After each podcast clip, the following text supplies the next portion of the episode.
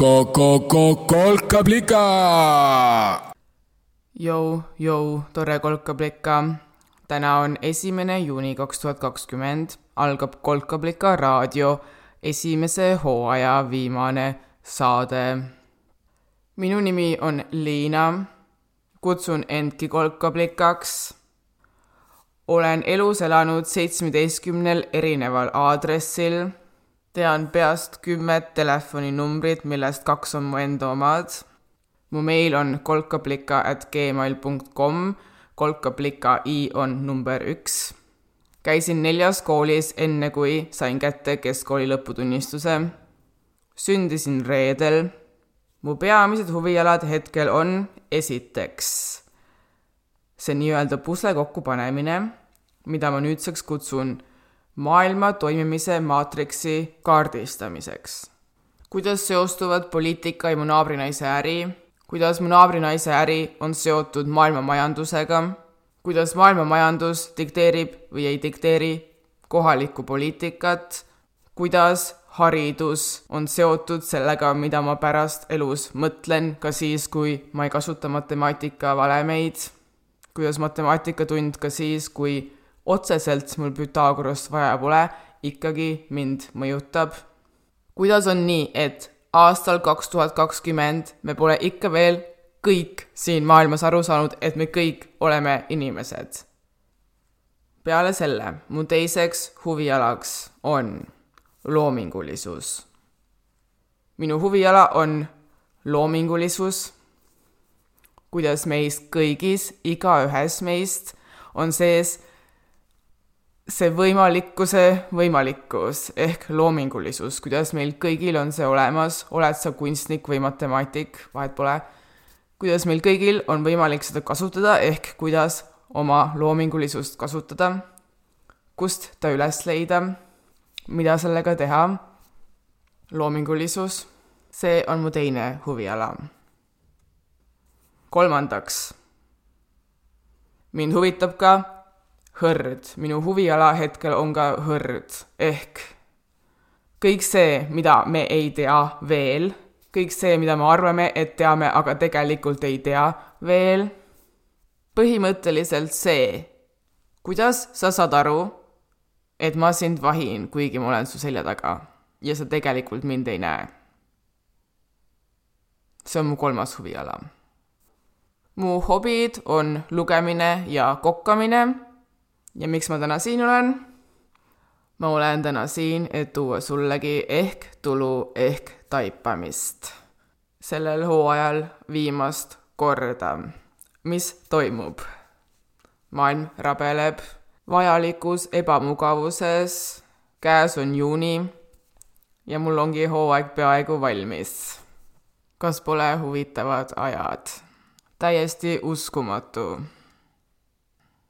nagu eelmise saate lõpus hõigatud ja ehk ka märgatud selle saate, tänase saate sissejuhatusest, siis see raamat, mis mind täna inspireeris, kuhu võib, võis, ma ei tea, kas see enam popp on sisse kirjutada. see raamat on sõbra raamat.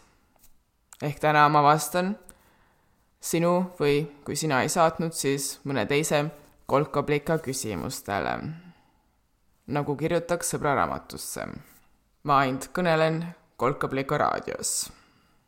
enne kui lähen küsimuste ja neile järgnevate vastuste juurde, tahan tänada nõnda sügavate lahedate küsimuste eest. minu ajud said ragistatud, mis on kõige parem tunne maailmas. aitäh!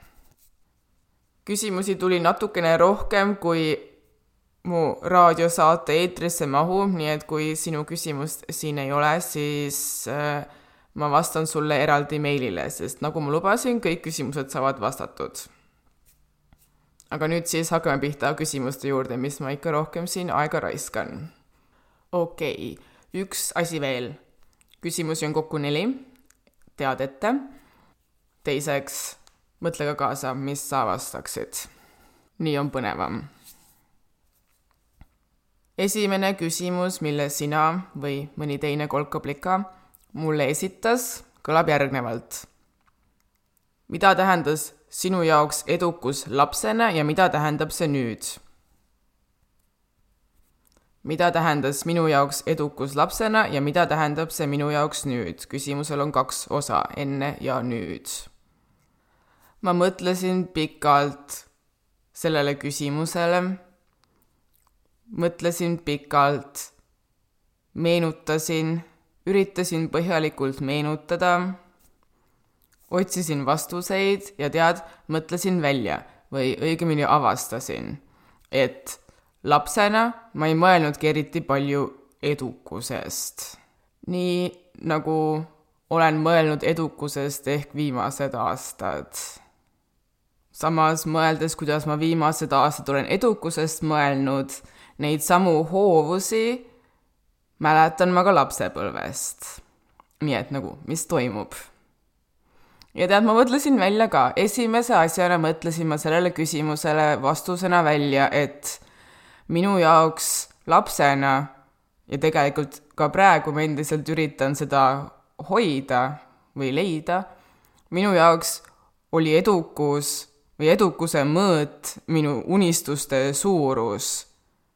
ja sealjuures ka arusaam, või mitte isegi arusaam, vaid nagu, nagu tõeline usk sellesse, et jah, mina tõesti olen valmis need unistused ette võtma ja saangi nendega hakkama milles küsimus? selle vastuse peale ma tulin, sest need hoovused, mida ma lapsepõlvest mäletan, minu väga suured unistused, kuidagi seostuvad mul nagu praegu sellega, mida ma mõtlen edukusest, ehk unistuste täitmine võrdub, olen edukas, eks.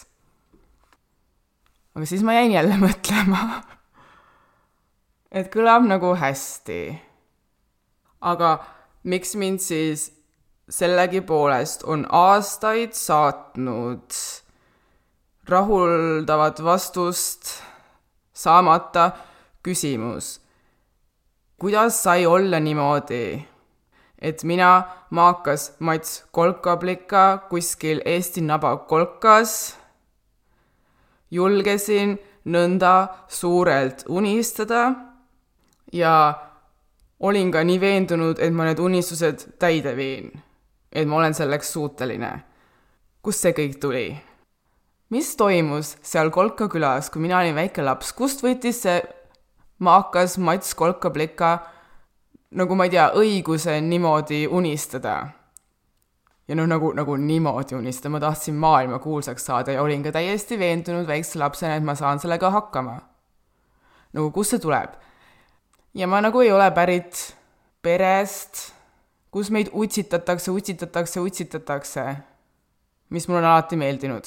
sest meil lasti olla, lasti olla, lasti olla, lasti olla. Nii et mu põhilised mälestused mu lapsepõlvest tegelikult on mina üksinda oma toas, sest seal on kõige toredam olla. oma neid hiiglaslikke unistusi välja mõtlemas ja veendunud olemas, et ma saan nendega hakkama. ja ma mõtlesin välja, kust see tuli tänu sellele küsimusele. see tuli sellest, et mina väikse lapsena, miks ma ei mõelnud eriti edukusest tulevikus, oli see, et ma tundsin end olevikus tol hetkel juba edukana, piisavalt edukana. ja siin on nagu mitmeid erinevaid põhjuseid see ei ole see, et mu ema ütles mulle, et Liina, sa oled nii tubli iga päev, ei ole. sest noh, mu üksikemal ei olnud iga päev selleks aega. ka siis, kui ta sai kaksikemaks või noh, ei olnud enam üksik ka siis ei olnud aega alati, iga päev. ma arvan, et see oli pigem, see oli nagu niisugune üldine õhkkond või keskkond, taustateadmine. ma näiteks arvan, et oma osa mängis siin see, et mul väga vedas sellega, et ma olen sündinud väga hästi võtva peaga, ma sain väga ruttu aru, et viis pluss viis on kümme, mistõttu mu ema ei pidanud mind eriti koolis aitama. teiseks, ma olin häbelik, ehk ma püsisin üldiselt kodus, teistega suhtlemine ei olnud eriti teemas, pahandusi seetõttu ei teinud, mis mulle endale tegelikult ju tekitas väga palju komplekse, kogu see häbelikkuse võitlus ja võistlus ja nii edasi, on ju. aga kõigile teistele emadele ma olin nagu mingi musterlaps, kelle üle kade olla, on ju. pahandusi ei tee ja saab ainult viisi. Nii et ema eriti sekkuma ei peagi. ja ema saab puhata, mida ema ju tahab ja vajab. ehk ilmselt see teiste emade ja ka ilmselt siis iseenda ema imetlus minu suhtes peegeldus mulle tagasi, kuigi see võib-olla otsesõnastena ei tulnud, aga ma tundsin oma ümber võngetena, et kuule, ma vist tegelikult kuskil ikkagi olen täitsa vahva, täitsa edukas. juba praegu, davai, unistame. nii et ma praegu tegelikult täiendaksin siis oma esimest vastust sellega, et ma arvan, et ma endiselt mõõdan enda puhul edukust oma unistuste suurusega, aga olen ka samas teadlik, et mida rohkem ma endasse usun või mida rohkem ma juba hetkel ennast edukaks, piisavalt edukaks kõlban, külvan, vaata, pean, seda suuremad on ka unistused. igatahes ma arvan, et edukusele mõeldes on mõttekas või kõige mõttekam teda esmalt alati otsida olevikust, kus ta juba kohal on, mitte tulevikust, mida veel ei ole. Märgata, kus on edukus praegu minu olevikus juba olemas. see on see seeme see seeme, mis lubab külvata. see seeme, mis paneb unistama tulevikust. ja midagi ikka alati leiab. kõik oleme kindlasti kuidagipidi juba praegu hetkes olevikus edukad. Isegi väga edukad. vot, see oli minu vastus küsimusele, mida tähendas minu jaoks edukus lapsepõlves ja mida tähendab ta praegu järgmine küsimus. järgmine kahest küssast koosnev küsimus tuli natuke pikema jutuga. küsimused ise kõlavad järgnevalt. kuidas ma tean, mida ma tahan, kui ma ei tee kunagi seda, mida peab? Kuidas saada teada, mida ma tahan, kui ma enam ei tee seda, mida ma pean? enne küsimusteni jõudmist mõtiskles küsija veel selle üle, kuidas ehk, kuidas me üldse teame, kas me teeme midagi sellepärast, et see meile meeldib või sellepärast me peame seda tegema. kas on ehk võimalik, et oleme mõelnud asjad, mida me peame tegema kuidagi enda jaoks nii meeldivaks, et me arvame, et nad ongi ainult meile meeldivad, ehk me tahame neid teha.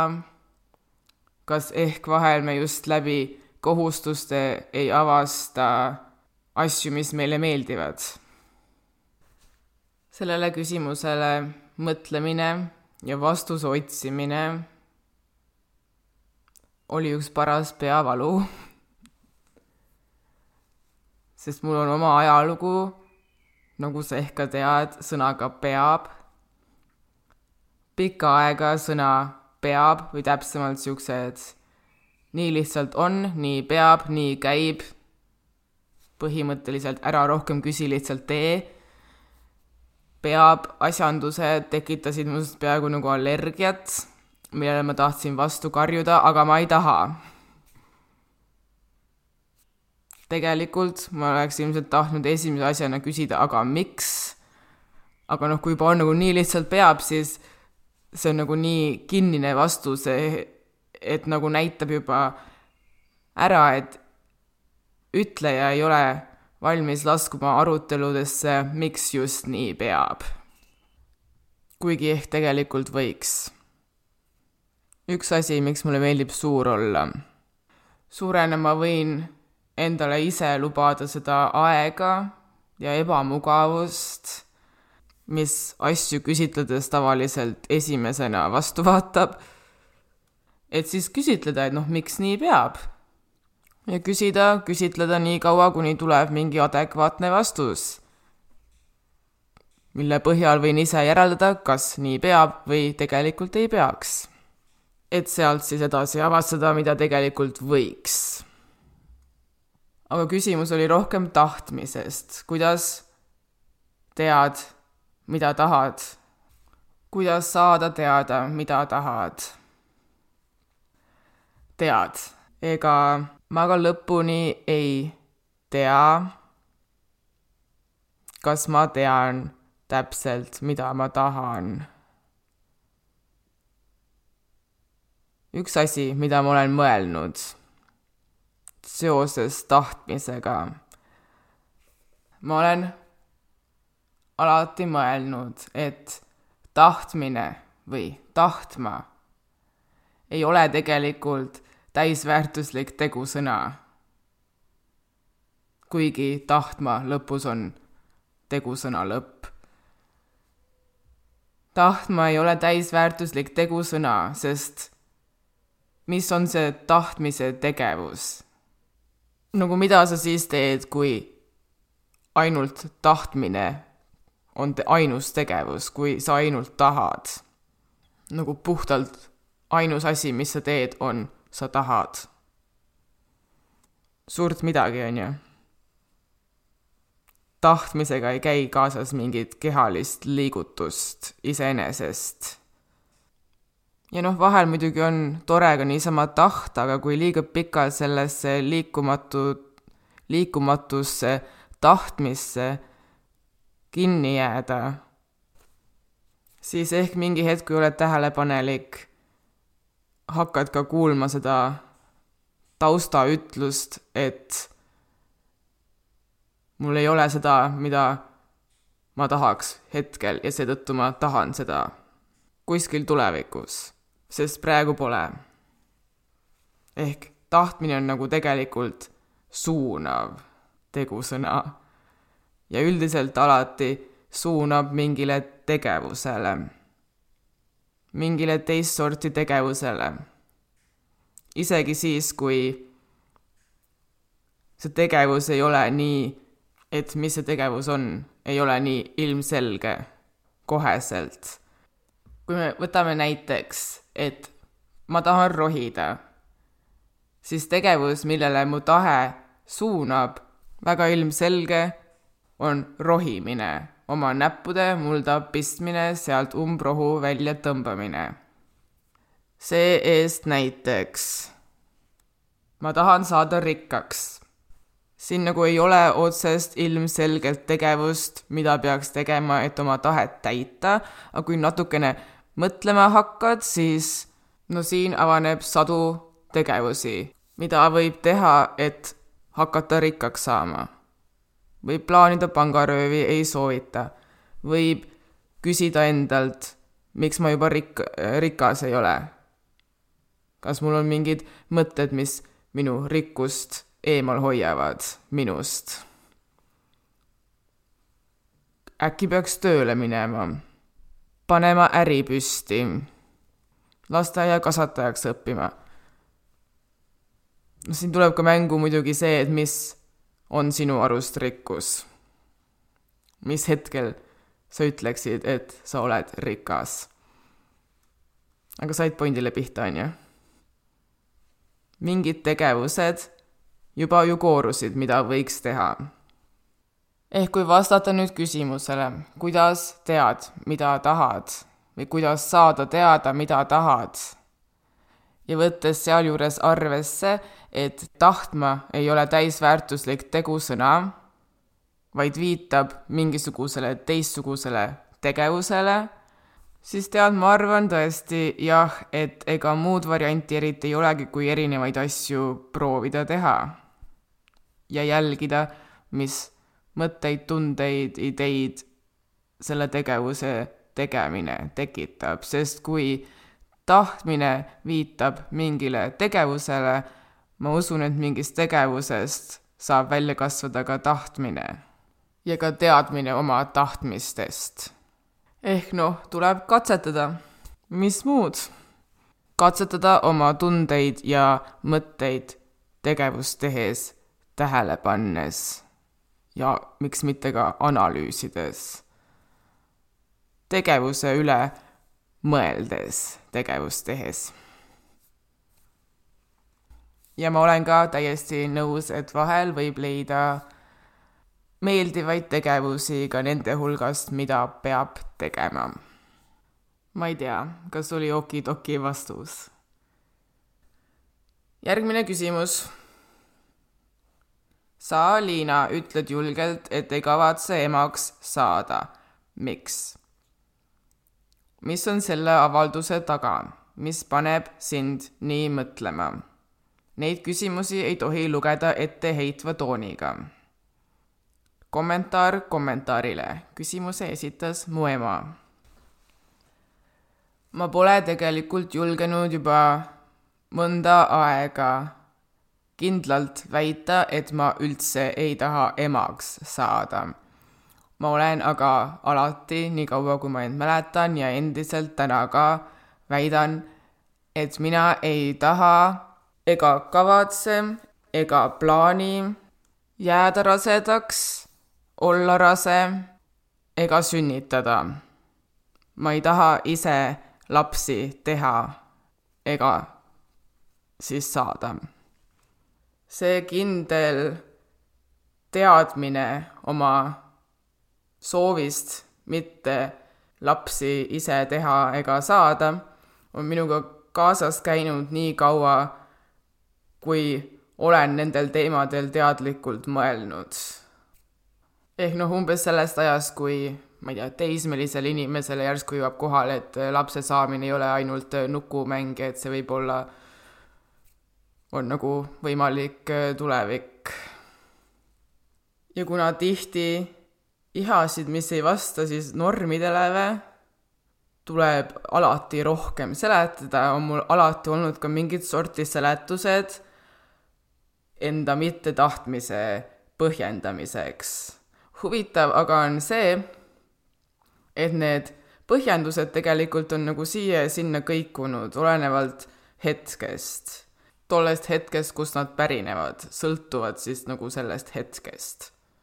Nende hulka kuuluvad igasugused mured emaduse peamise probleemiga, milleks on isadus, sealhulgas ka mu teine tundmus, et ma eelistan suuri inimesi, beebid palun pigem mulle mitte kätte anda, maailm on ülerahvastatud ja selle ülerahvastatud maailma elanikkonna hulgas on nii palju lapsi, kellel ehk rohkem on ema vaja kui veel olemata lapsel, veel põhjendusi minevikust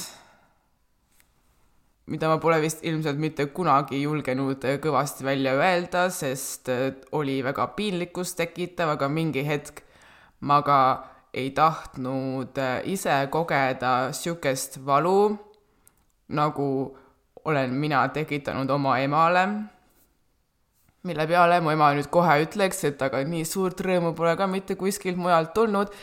ja siis tead, ma muidugi usun oma ema, et lapsed võivad olla rõõm ja tead, ma mõtlesingi välja, ma keerasin küsimuse teistpidi, ehk selle asemel, mida ma olen ka alati ise üritanud teha, selle asemel, et leida põhjendusi millelegi, mida ma ei taha, ma siis küsisin endalt hoopis, aga mida ma tahan?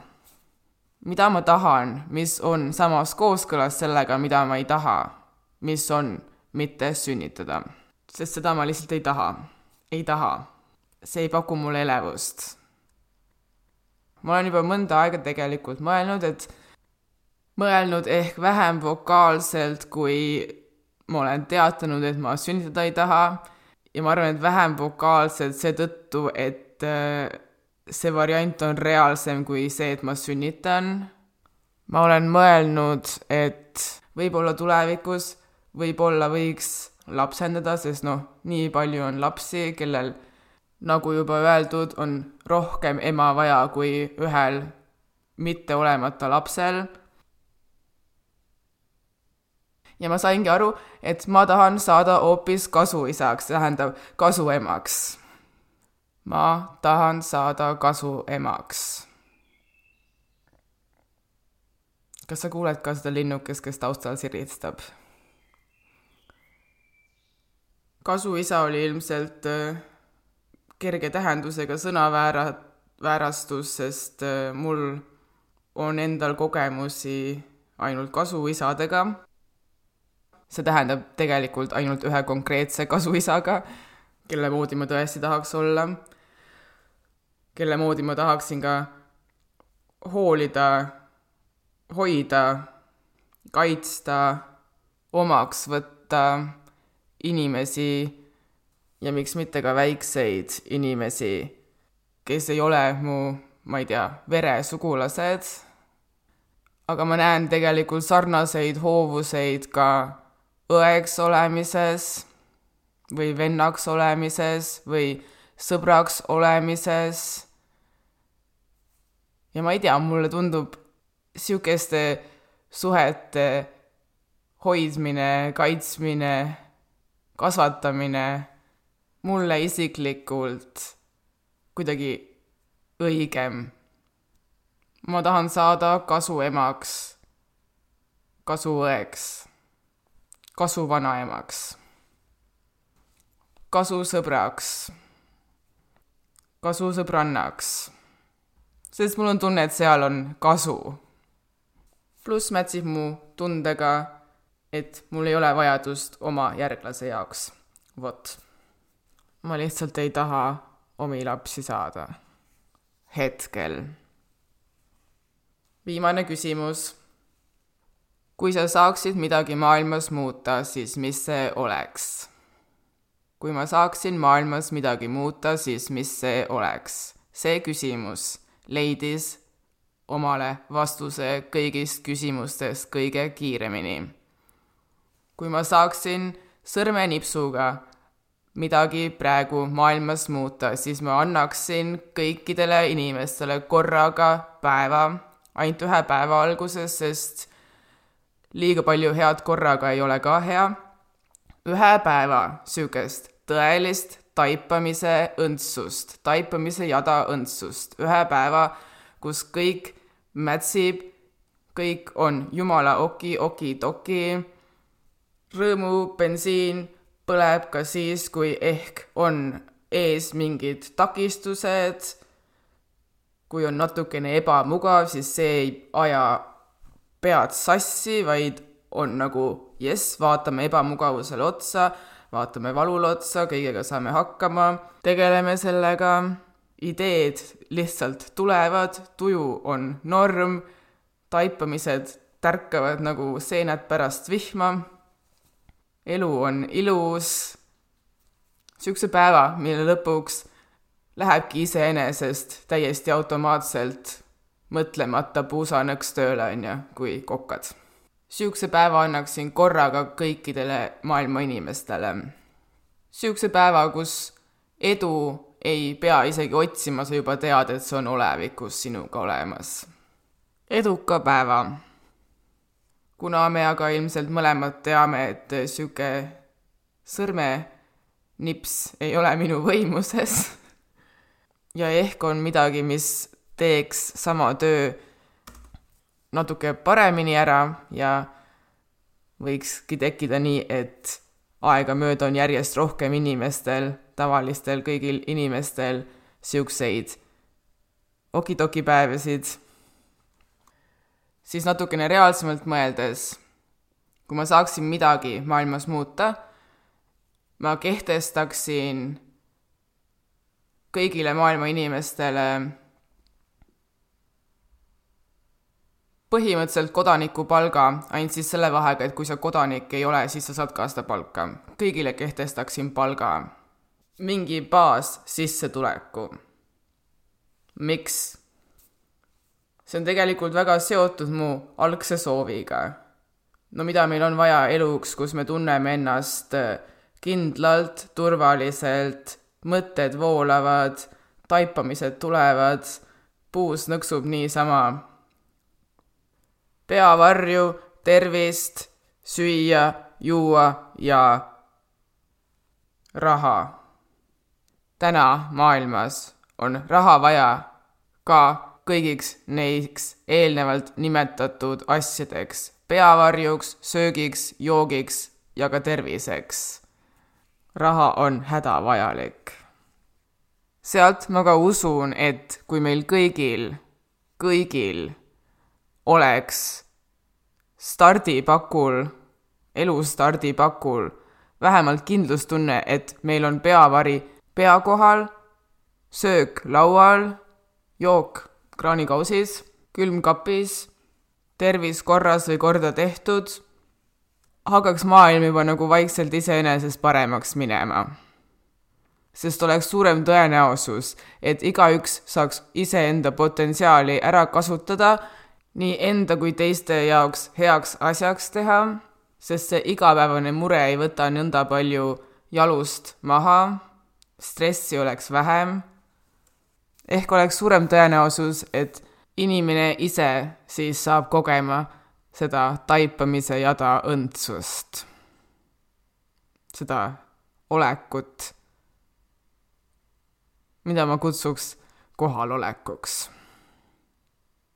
sütitavaks kohalolekuks. rõõmu sütitavaks kohalolekuks.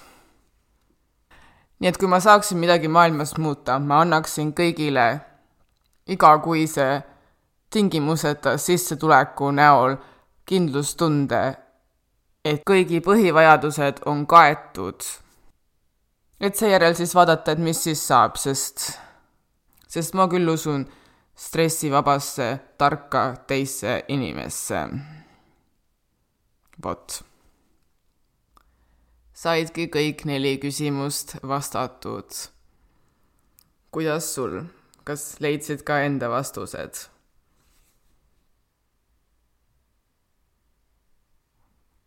nüüd ongi lõpuminutid.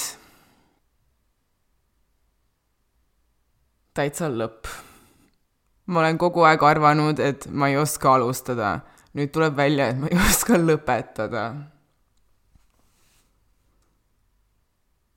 Lõpetuseks tahaks tegelikult tänada, tänada kuulamast, tänada kaasa mõtlemast, tänada minu isiklike selle aja jooksul nüüd toimunud tulusate taipamiste eest.